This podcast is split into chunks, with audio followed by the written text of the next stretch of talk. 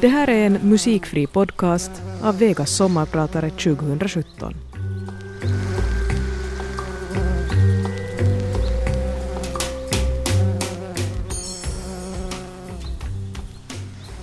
Det är en lördags eftermiddag i augusti. Jag står i mina föräldrars växthus i Henriksdal och pratar i telefon med Linda Bäckman, som jag fått kontakt med i en grupp på Facebook. Vi har aldrig pratat med varandra förut, men jag hör att hon också förstår vidden av det som håller på att hända. Vi har båda läst det ofattbara asylbeslutet som Sunniva Drake publicerat på nätet. Vi har fått höra av asylsökande vänner att everyone get negative. Och nu har vi också båda två fått läsa om hur regeringen har försämrat de asylsökandes rättsskydd, deras möjligheter att försvara sig. Kanske vi kunde göra en kampanj i sociala medier, säger Linda. Ja, någonting som gör det lätt för var och en att ta ställning, säger jag. Jag skrev en sång till Juha Sipilä i natt. Den kan vi öppna kampanjen med. Jag som sommarpratar idag heter Lina Teir. Jag berättar, sjunger, skriver, regisserar och undervisar. I sommar bor jag i Henriksdal i Kristinestad och framtiden är öppen. I augusti 2016 startade jag kampanjen We See You för mänskliga rättigheter och en etiskt hållbar asylpolitik i Finland. Idag ska jag prata om mod, empati och inlevelse. Jag låg i min säng i mitt sommarhus i Henriksdal och jag kunde inte sova. Det var inte sommarljuset som gjorde det svårt, för det var augusti och mörkt. Tidigare på kvällen hade jag hälsat på mina vänner i deras lägenhet i en annan by. Vi åt irakisk mat, ris, kyckling och grönsaker. Jag och Mohammed pratade om allt möjligt och hans bror Josef nickade och skrattade. För även om han inte kunde uttrycka sig på engelska så förstod han våra dåliga skämt. Nu låg jag och tittade i taket och tusen tankar flödade genom huvudet. Vaga intryck av liv i Irak. Fragment av artiklar om den nya asylpolitiken. Mohammeds roliga uttal av de ord han lärt sig via Google Translate. Och så den där återkommande tanken om att jag också ville delta i Monica Fagerholms och Merete Mazzarellas brevkampanj till Juha Sipilä. Det brukar inte vara svårt för mig att hitta orden. Men jag hade inte kunnat få ihop ett brev till statsministern. För vad kunde jag möjligen skriva om asylpolitiken som kunde få honom att lyssna när han inte ens brytt sig om att läsa de hundratals brev han fått? Om lagar, internationella bestämmelser, kristen värdegrund, moral, bildning, mänskligt lidande. Det kändes inte som att jag hade någonting att säga som inte redan var sagt och som han inte redan hade ignorerat. Jag gick upp, tog gitarren och satte mig i en av mormors gamla rottingfåtöljer i glasverandan. Jag tittade ut över åkrarna i Henriksdal och tänkte på att mina rötter fanns här. Att jag tittade ut över min hembygd. Jag tänkte på allt jag visste om mina förfäder. Jag tänkte på vad mina efterkommande kommer att veta om mig. På hur det alltid finns någon som kan berätta. Hur vill jag bli ihågkommen? Jag tänkte på vad vi kommer att minnas av det som händer idag och av den statsminister vi hade 2016. Klockan fem hade det blivit ljust ute. Och jag hade redan sjungit mitt brev till Juha Sipilä så många gånger att jag kunde det utan till. Nästa dag pratade jag för första gången med Linda och för första gången med de irakiska män från Kristinestad som vill ordna en fredlig demonstration för asylsökandes mänskliga rättigheter. De bad mig och några andra finländare om hjälp med att ordna demonstrationen som skulle hållas några dagar senare. Sen spelade jag in min låt. Det blev fyra tagningar och mellan varje tagning var jag tvungen att gå runt i studion och stampa och sparka för att göra av med energi för jag var så arg. På måndagen gick vi tillsammans till radion och till lokaltidningen. Sen satte jag mig på ett café. När jag satt där kom jag på att jag ville ha en bild att sätta upp på Youtube tillsammans med min låt. Jag skrev en status på Facebook. Alla ni som vill stå med mig på bild för min låt till Juha Sipilä. Kom till restaurangen vid bron ikväll klockan sex. När jag kom till restaurangen var det redan många där. Mohammed och Josef kom cyklande över bron. Mina gitarrelever från gruppen för asylsökande tonåringar var där och vinkade till mig. En småbarnspappa kom fram och skakade hand. De sydösterbottningar som brukar engagera sig för fred och mänskliga rättigheter hade kommit nu också, med kort varsel. Det var så fint att se alla nyare och äldre Kristinestadsbor. Men det var också så laddat att se dem samlade nu. Vi var inte här för att dra dåliga skämt, spela gitarr eller äta tillsammans. Vi var här för att en del av oss hotades av det mörka molnet som plötsligt hade dragit in och nu överskugga allt det varma och glädjefyllda som vi hade delat det senaste året.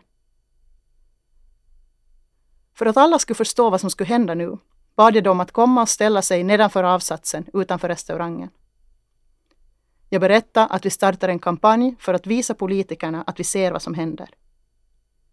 Jag sa att jag förstår att de asylsökande är rädda nu och att det är svårt att sova om nätterna, men att de inte är ensamma. Vi är många som ser. Jag inväntar tolkens översättning. Ge inte upp. Vi har knappt börjat och vi kommer inte att vara tysta. Vi kommer att kämpa tillsammans med er. Kampanjen heter We See You och därför ber jag er att ta bilder med hashtaggen We See You och Juha Sipilä och sätta upp på sociala medier. Nu ska vi gå till torget och ta en gruppbild. Vi tog vår bild. Efteråt var stämningen lite lättare. Ännu var inte allt hopp ute. Det fanns saker vi kunde göra. Också de asylsökande själva. En kvinnlig konstnär från Irak föreslog att hon kunde måla bilder därifrån så att finländarna skulle få se vad som verkligen händer. En äldre man sa att han kände sig starkare nu. Att han inte ville ge upp utan att ens försöka rädda sin familj. Jag åkte hemåt med mamma. I bilen släppte spänningen och tårarna kom. Det var liksom så konstigt, sa jag till mamma. Plötsligt hittade jag mig själv tänd och pratar och försöker säga något som ska kunna hjälpa dem upp något vis. Och så står jag liksom och pratar till massor som om jag skulle vara en Nelson Mandela. Jag förstår inte. Det är som att det plötsligt ger upp liv och död. Ja, det är ju just det jag sa mamma. Och så tog hon ena handen av ratten och kramade min hand.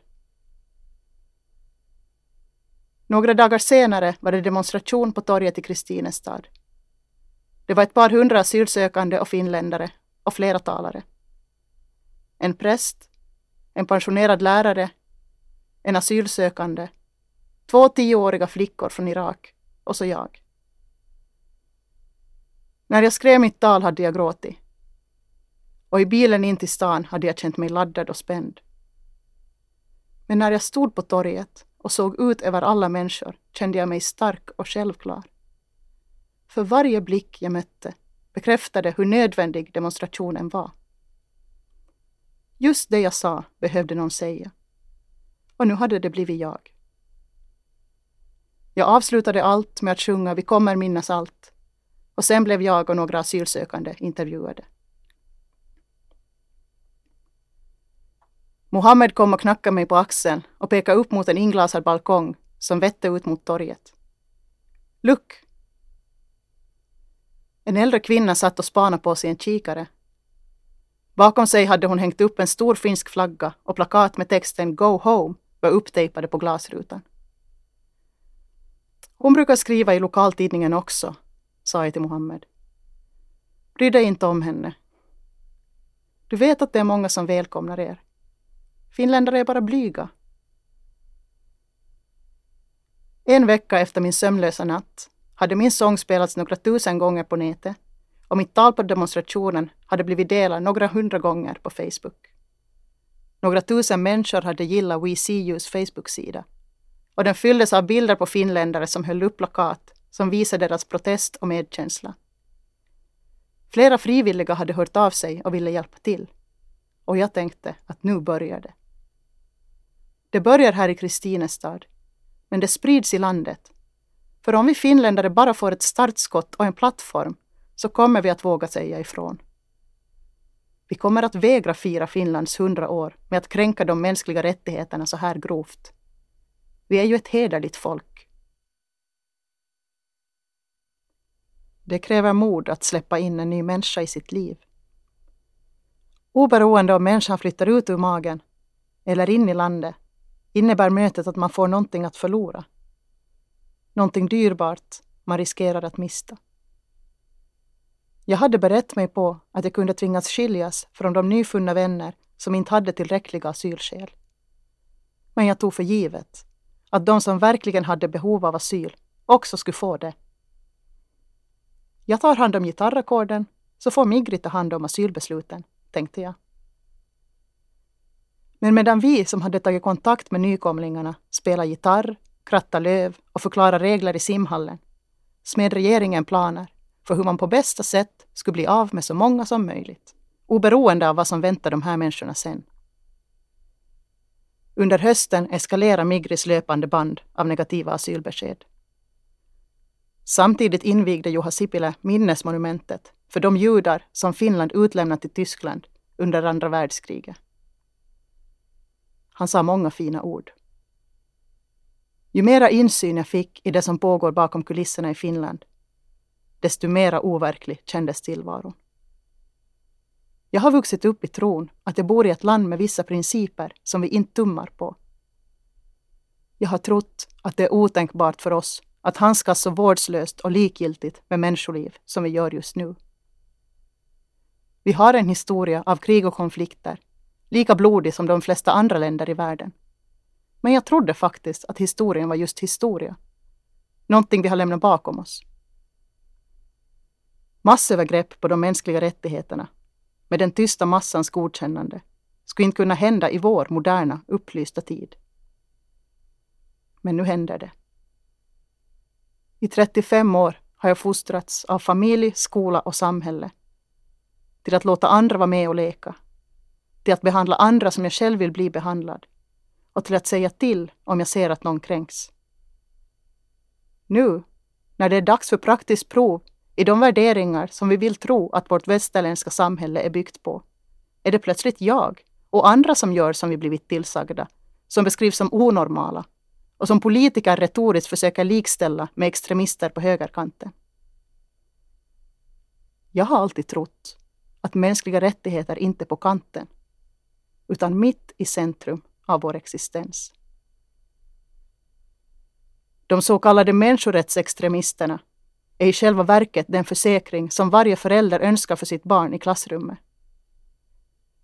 I varje klassrum behöver det finnas elever som vågar stiga ut ur rollen som medlöpare och istället ingriper så att kränkningarna kan stoppas. Det verkar som att också president Sauli Niinistö tycker att det här är viktigt. Eftersom han har tagit initiativ till antimobbningskampanjen Supportgruppen. Men det är förbryllande att samma man lyft fram tolkun ihmiset, människorna som väljer att inte ta ställning, som idealet. I ett klassrum fullt av tolkun ihmiset får mobbningen fritt spelrum. Om det inte finns någon som säger nej blir allt tillåtet. Också att kränka de svagaste. Som värdeledare har Niinistö valt att säga nej till kränkningar i klassrummet. Men att vara en medlöpare när kränkningarna sker i resten av samhället. Vill vi vuxna verkligen genom vårt exempel fostra våra barn till att inte ingripa? Vågar vi leva i en sån kultur? Finland har världens bästa skola, men tydligen har vi inte lärt oss av historien. Och om vi inte har lärt oss någonting om det som är hela grunden för att ett samhälle ska kunna fortleva, vad är då den världsberömda skolan värd? Mohammed och Josef fick sitt negativa asylbeslut i oktober. Trots de klara asylskälen var det inte oväntat. Men precis som man hoppas på att en dödlig sjukdom ska gå att bota, hoppades vi. Jag satt i mammas och pappas vardagsrum när jag läste asylbeslutet, för vi skulle hjälpa dem med överklagan på den nu kortare tid de hade på sig. Jag klarade bara av att läsa några sidor. Det var inte detaljerna om morden och förföljelserna som gjorde det svårt. Det var att läsa de stålkalla formuleringarna i asylbeslutet. Skrivna av finländare som jag själv, en vanlig dag på jobbet. Budskapet var klart och tydligt. Vi skiter i om ni lever eller dör. Om de som förföljt er kommer att skjuta er i huvudet eller inte. Vi skiter i era bevis. Vi skiter i era rättigheter. Vi skiter i er, för ni är inte lika mycket värda som vi. Vi vet att vi försätter er i en desperat situation. Men det skiter vi i. Efter det här var det som att någonting i mina vänner dog. De orkade inte längre gå ut och spela fotboll. Och de slutade gå till språkkursen. För vad spelar det för roll? Jag försökte tjata på dem att de skulle komma med ut och säga att det var för min skull. De låg mest i sängen. De sov dåligt på nätterna och både mardrömmarna och de kroniska smärtorna blev värre. Mohammed sa att han bara såg mörker nu. Det var mitt land som gjorde det här. Det var vi. Jag tvingades stå med i en mobb som sparkar och spottar på den som redan ligger ner. Jag ville skriva på Facebook om hur det kändes att se dem ligga där. Jag ville skrika med versaler att för fan fattar ni inte att vi håller på att döda människor, vakna! Men jag vågade inte. Mina nyinflyttade Facebookvänner behövde hopp. Jag ville inte riskera nya självmordsförsök med mina statusar. Så i Facebookchatten skrev jag om hur tungt det var att se livslusten försvinna ur unga starka människor. Om hur dränerad på energi jag blev av att försöka bära dem. Linda förstod precis. Och det gjorde alla nya bekanta jag fick som delade mitt engagemang också. De som inte kände någon människa som sökte asyl personligen kunde kanske läsa rubrikerna om asylpolitiken ungefär som man läser sporten och nyheterna om krigen långt borta. Man kunde kanske tänka tanken att kombinationen av blåbrun regering och flyktingar i landet nog inte så bra.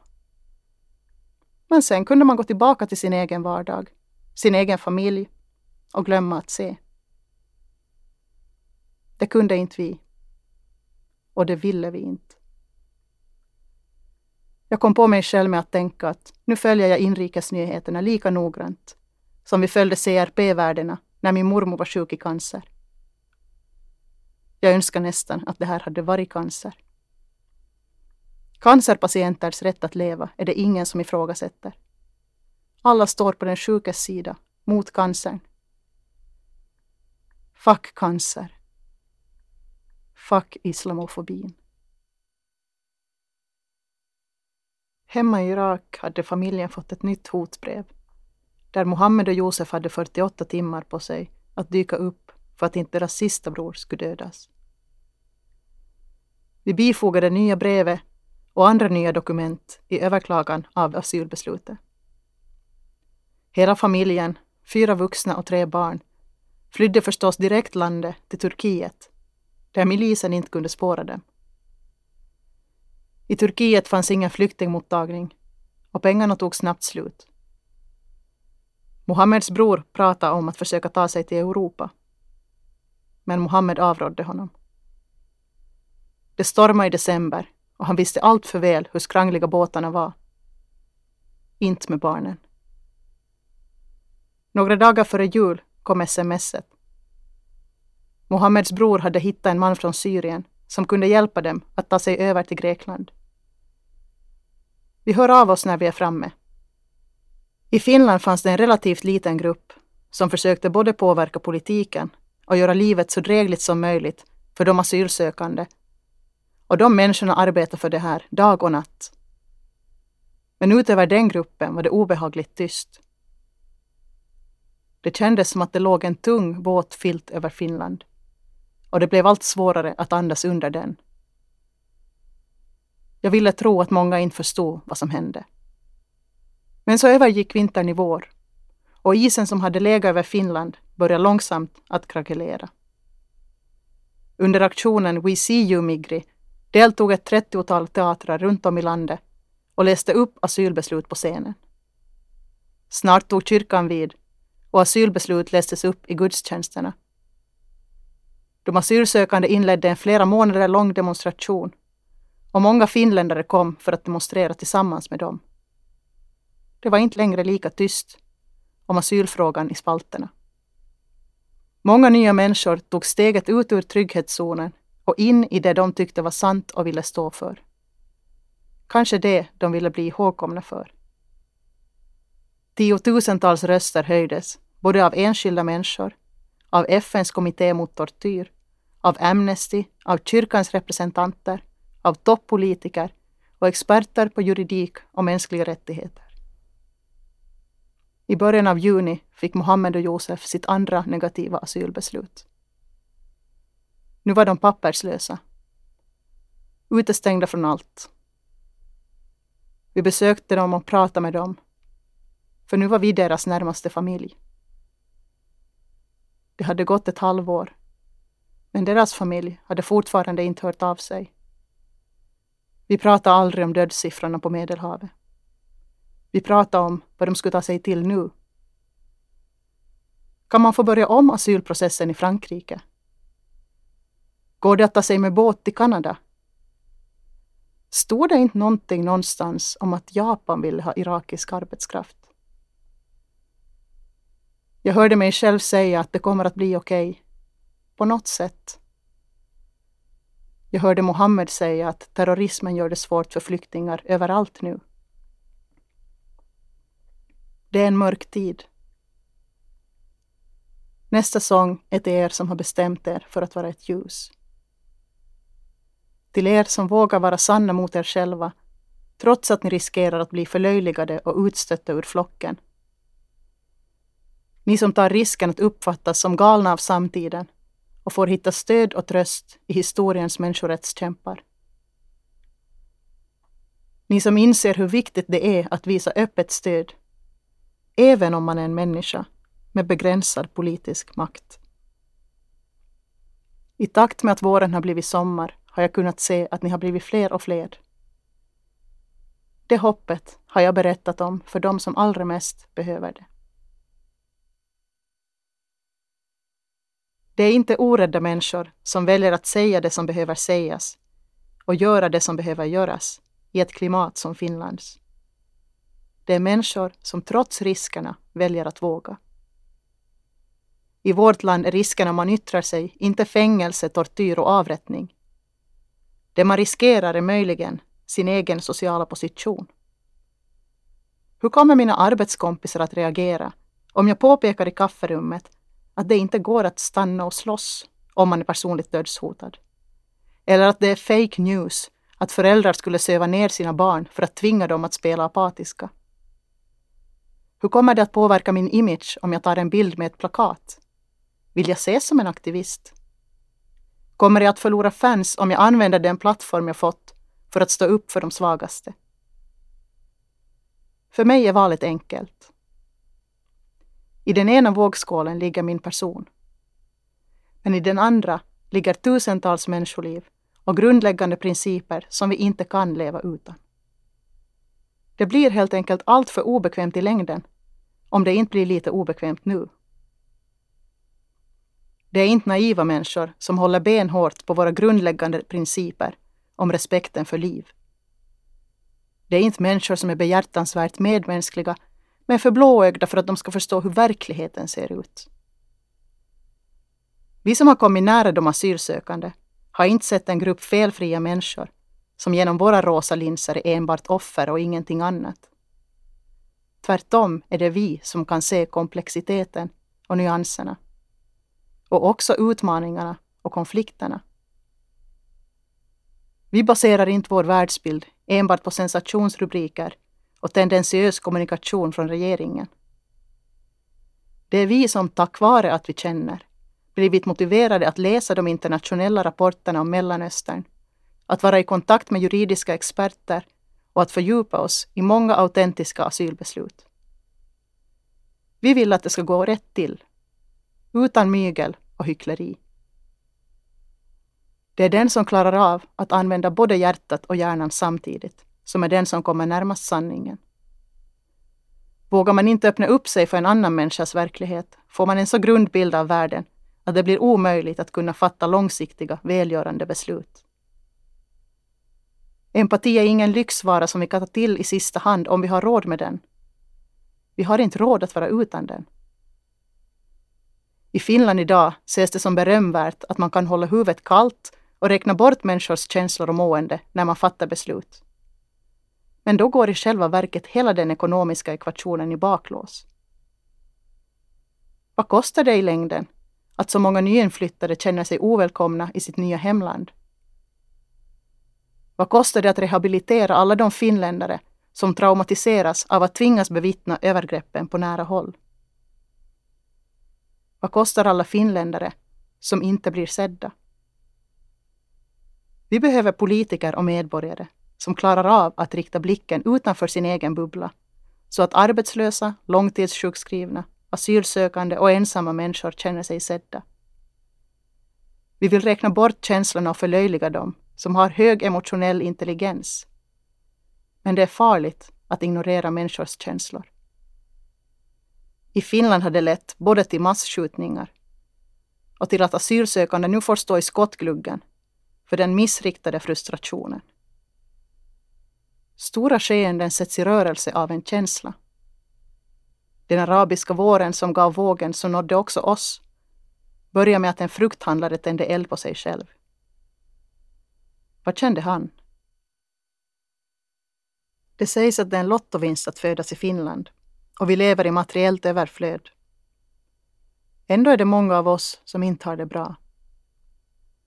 Forskning visar att det finns en gemensam faktor bakom vårt lands stora folksjukdomar som alkoholism, depressioner, hjärtproblem och fetma.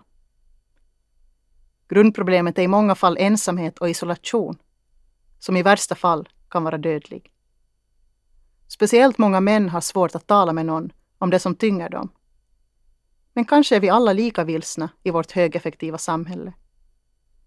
Den kroniska bristen på verklig mänsklig kontakt tar sig uttryck i alkoholism och våld. Och jag tror att den också kan ta sig uttryck i plakat med texten Go home på balkongen. Men är plakatets sanna budskap egentligen? Men jag då? Vem ser mig? När jag blev bekant med de nyinflyttade möttes jag av en omedelbarhet och en öppenhet, mitt i det svåra, som jag inte ens vetat om att jag hade saknat så akut i Finland. Det spelar ingen roll att vi ofta fick kommunicera med kroppsspråk och Google Translate. Värmen var påtaglig och den hela och gav kraft. Jag blev mindre ensam. Det är inte förvånande att en undersökning har visat att irakierna är den nationalitet i världen som är mest benägna att hjälpa en främling. Mohammed berättade att det är en sed att hemlösa människor fritt får förse sig av frukterna i fruktstånden. En annan undersökning har visat att finländarna hör till dem i världen som har det svårast att sätta sig in i en annan människas situation. Här kunde vår framstående skola ligga i framkant och införa stödundervisning i den så grundläggande livsfärdigheten empati. Genom berättelser och drama kan vi utvecklas i att leva oss in i en situation och uppleva hur det är att vara i helt andra skor än våra egna. Vi behöver lära oss att förstå och uttrycka våra egna emotionella behov. Och vi behöver bli påminda om hur mänskliga vi är. Alla människor. Att klara av att skifta perspektiv är livsviktigt. Livet är inte svartvitt, utan nyanserat och komplext. Historiker menar att Jesus i själva verket inte hade ljus hy och långt lockigt hår. Istället såg han misstänkt lik ut en flykting från Mellanöstern. Eller en IS-soldat. Det är mänskligt att bli orolig när man inte har kontroll och kan greppa den föränderliga och ofta skrämmande verkligheten. Men vi får inte luras att förenkla. Vi måste orka tänka längre. Det gäller att klara av att vara både empatisk, modig och beräknande. Så att vi kommer ihåg hur illa ute vi som mänsklighet blir om vi ersätter principerna om allas lika värde med främlingsfientliga plakat. Vi finländare är ett modigt folk. Låt oss våga skriva See Me på plakatet. För är det inte egentligen det vi alla vill? Det finns nyinflyttade människor, nya elever i klassen, som längtar efter att få se oss och att få dela med sig av det de har att ge. Jag hoppas att vi inte fryser ut dem, utan att vi släpper in deras värme. Att vi bestämmer oss för att se dem. En sen sommarkväll var Mohammed på besök i mitt sommarhus. En tangent på min tramporgel hade fastnat och han fixade den enkelt med en bordskniv. Sen hjälpte han mig att elda i spisen, för man måste elda i två olika luckor för att det inte skulle röka in. Efteråt blev han tyst. Men när jag frågade om det var någonting han ville prata om sa han bara att han skulle gå ut och röka. Jag följde med ut och vi satte oss på stentrappan och tittade ut över min hembygd. Han rökte. Jag satt tyst. Sen började han berätta. Om hur mycket han saknade sin mamma. Om hur hastigt de hade varit tvungna att lämna henne. Om hur han sörjer sin bror och sin pappa. Om hur de sytt in pengarna i kläderna under flytten genom Balkan för att inte bli rånade. Om hur han en natt en månad senare satt vid en kyrka i en liten by i Finland och grät. Jag kan inte förstå precis hur det känns, sa jag och tittade Mohammed i ögonen. Men jag har också mist människor. Flera människor på kort tid. Och Mohammed sa Yes. I think you know this. You also try this. Så sa han att han inte visste hur han skulle orka. Jag la en hand på hans rygg mellan skulderbladen. Då sjönk han ihop lite där han satt och släppte ut en suck. Under handen kunde jag känna hur han började skaka. Han gömde ansiktet i händerna, men jag kunde höra att han snyftade. Jag satt med handen på hans rygg och tittade ut över åkrarna. Jag tänkte att nu sitter vi mitt i det värsta. Men det bästa var att jag visste vad jag skulle göra. Vad som räcker. Jag som har sommarpratat för er idag heter Lina Teir. Och här kommer min sång. Låt ditt hjärta sjunga.